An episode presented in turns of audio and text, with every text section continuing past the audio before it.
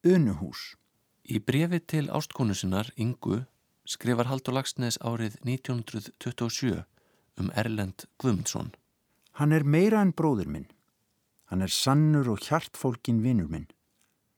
Og mér fannst um skeið að ef það væri hugsanlegt að hægt væri að láta lífið fyrir nokkurt mann, þá gæti ég gert það fyrir Erlend. Auðvitað eru slíkar tilfinningar mjög öfgakendar, en ég á ómögulegt að hugsa mér þann hlut sem skert gæti vinóttu okkar erlendar. Hver var þessi maður sem haldur mat svona mikils? Erlendur Guðmundsson var einn helsti velgjörðamaður íslenskra listamanna á 20. stöld.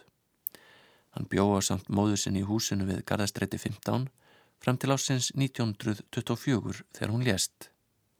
Móðurinn hétt Una og húsi var kent við hanna, Unuhús. Unuhús var skjólshús ímisra manna í kaupstanum. Þar voru kostgangarar sem leiðu herbergi og fengu mat og drikk.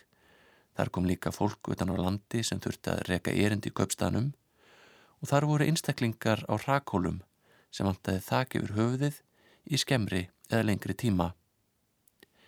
Eitt slíkur var Þorbergur Þorðarsson sem held í fram fullum fetum, jóvitanum, að maðgininn höfðu bjargað lífi sínu.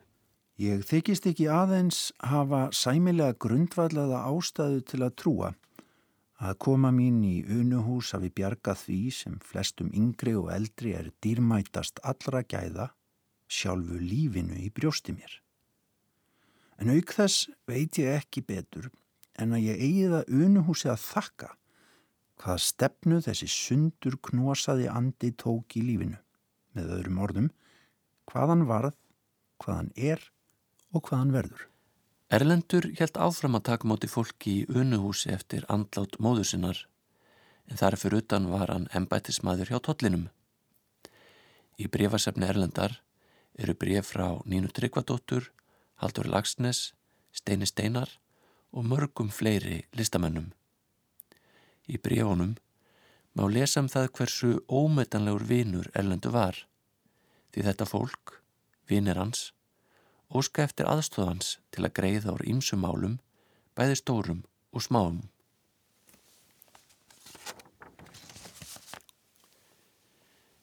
Í unuhúsi var ágættis bókakostur, til dæmis margt rita um heimsbyggi og stjórnmál og sömulegis myndlist sem var eitt af eftirlætis húðarefnum húsræðandans. Í húsinu var líka heilmikið líf, segja má að það verið nokkus konar félagsheimili þar sem skipst var á skoðunum um allt melli heimins og jarðar. Nína Tryggvadóttir myndist Erlendar í unuhúsi með því að nota hann sem fyrirmyndað Jésu Krist þegar hún gerði alltaristöfluna í Skálaldskirkju. Og Haldur Lagsnes skrifaði atomstöðuna í minningu Erlendar í unuhúsi að honum gengnum árið 1948 í tilengun í upphæfu bókarnastendur en honum á ég flest að þakka. Bókin, sem er eitt umdeildasta verk Halldórs, hefur að geima beitta gaggrinni á Íslands stjórnvöld og varnarsamning Íslandinga við bandaríkinn. Hún greinir frá ungri stúlku, Uglu, sem kemur á norðan í eitt af betri húsum borgarnar, þar sem hún ræður sér vist hjá Búa Árland, sem er þýngmaður og heilsali. Í frítíma sínum lærir Ugla á orgel hjá organistanum sem sér verölduna öðrum augum en flestir. Hann er barslegur öldungur, blíður en um leið skarpgrendur og augrandi.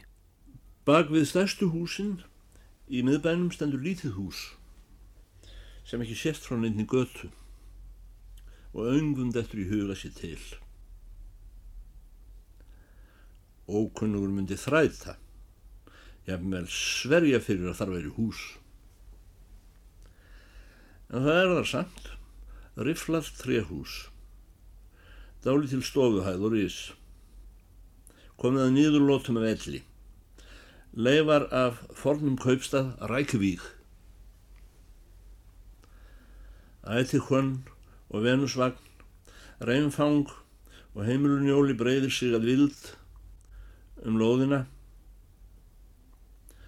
Svo rétt grísjar í feiskna rimlagirðingu og fjárhelda á stökustað í, í miðju þessu hávaksna, illgresi, grænu og safamiklu, þó komið sér langt fram á höst. Aldrei held ég að ég myndi finna þetta hús, en loksins fann ég það. Í fyrstu síndis mér ekkert lífsmark með húsinu. En væri betur gáð sá dauða ljós rönd með glugga. Ég leitaði að útidýrum en húsið stóð skakt við önnur hús. Og loks fann ég fordýrð, það var á bakliðinni, anspænis brandvegg á stórhísi. Sennilega hafði gatan leiði þeim megin í fyndinni þegar húsi var byggt. Ég opnaði hurðina og kom inn í dimm göng. Á einum stað var glæta út um rifu millir stafs og hurðar og ég barði. Eftir stundarkorn var hurð opnuð og í dýrunum stendur grannvaksin maður á næstum því öngvum aldri nema annað hvert hár farða grána. Og mér fannst einhvern veginn það fekti mig um leið og hann leiði á mig þessum hreinu sveipmiklu augum í senn vinlýjum og sposkum undir miklu brúna stæði. Ég tók að mér vettlingin og helsað honum og hann baði mig gera svo vel. Var það hér? spurði ég.